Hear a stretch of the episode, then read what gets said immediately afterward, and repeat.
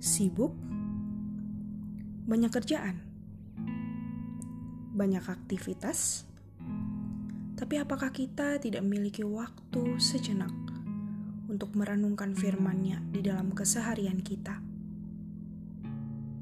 Bersama dengan podcast ini, saya ingin mengajak bersama dengan para pendengar untuk merenungkan firman-Nya, mengenal Dia di dalam kehidupan kita, dalam keseharian kita.